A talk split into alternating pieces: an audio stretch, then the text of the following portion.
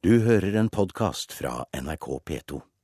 I morgen gjester Ylvis-brødrene det amerikanske talkshowet Ellen. Showet til Ellen DeGeneres med ca. fire millioner seere. Ylvis The Fox fortsetter sin ferd på YouTube, og hun har nå blitt sett av 37 millioner eh, brukere. Utenriksmedarbeider og tidligere USA-korrespondent eh, Tove Bjørgaas, du kom nylig hjem fra USA.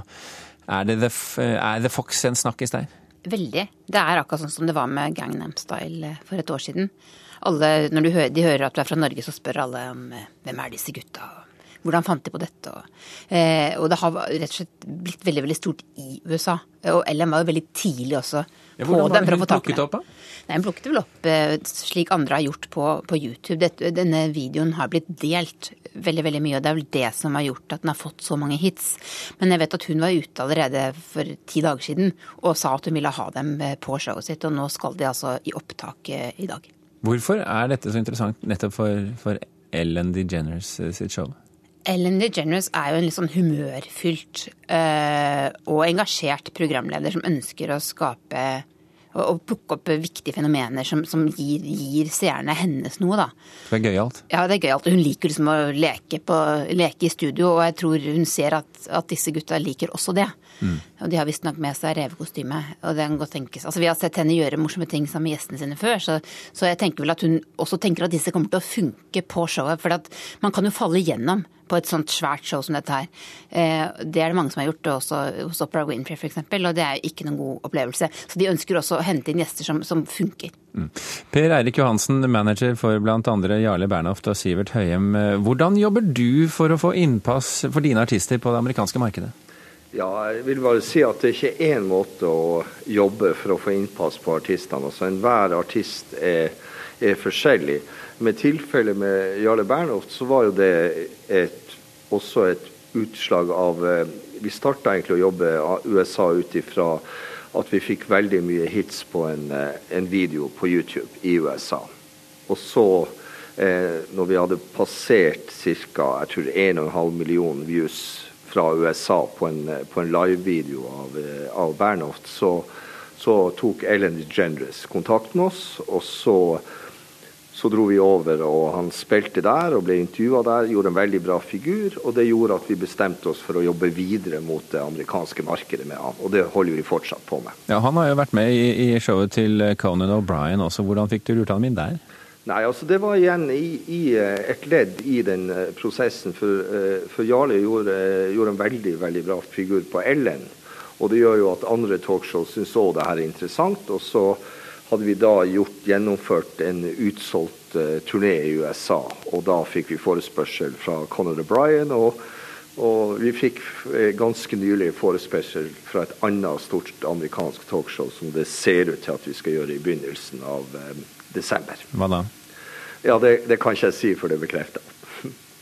Tove? Altså, Jarle Bernhoft har jo Jarle Bernhoft har også noe som er, som er spesielt, som, er, som, som som, er, som, slår, som er litt annerledes. Så jeg tror denne annerledesheten, det at, det, at, disse artistene har noe å tilby som ikke alle har, at det er veldig viktig for disse showene. Er det det samme også for The Fox og Ylvis?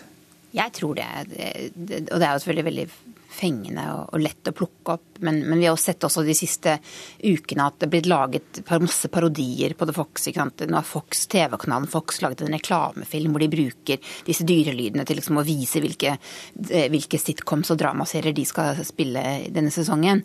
Eh, det er et korps som har laget sin versjon. Altså, det funker på mange forskjellige måter, og det gjør at folk kan engasjere seg i dette her. At det blir et fenomen, akkurat sånn som det var med, med Gangnam Style. Johansen, hvorfor tror du The Fox har så stor appell nettopp i USA? Ja, for det første er det jo en fantastisk ting som har skjedd. Det er sånne ting som er, er helt uforutsigbare. Og jeg syns jo så veldig gøy, for utgangspunktet til både guttene og Stargate var å på en måte lage klisjeen av en hit, og så ser det ut til å kan bli en av de store hitene i, i verden i år. Mm. Eh, eh, det er alltid vanskelig å vurdere hvorfor en ting blir et så stort uh, YouTube-fenomen. men uh, jeg tror jo også eh, Ellen er også et sånt show som er veldig De er opptatt av å være veldig tidlig ute og finne de fenomenene. Og de har også, bruker også lang tid for å sjekke at de som skal opptre på showet, også klarer å, å gjøre en veldig bra figur. Men er det, noen, er det, er det noe håp for, eh, for norske artister som, som eh, kommer på sånne type TV-show i USA, at de, at de kan gjøre det stort også som vanlige musikkartister?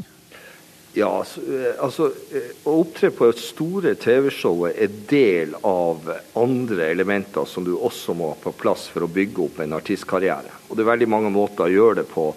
Med, med, jeg kan bare ta tilfellet måte vi jobber med Jarle Bernhoft, så har vi drevet og brukt veldig mye tid på å turnere veldig mye i USA og bygge opp en ordentlig fanbase før vi, vi begynner å planlegge neste plate med han. Så det, det, er mange elementer. Det er alltid håp. Det er jo det som er det fantastiske med, med, med musikk. at det, det, du kan ikke på en måte forutse hva som skal fungere på det amerikanske markedet.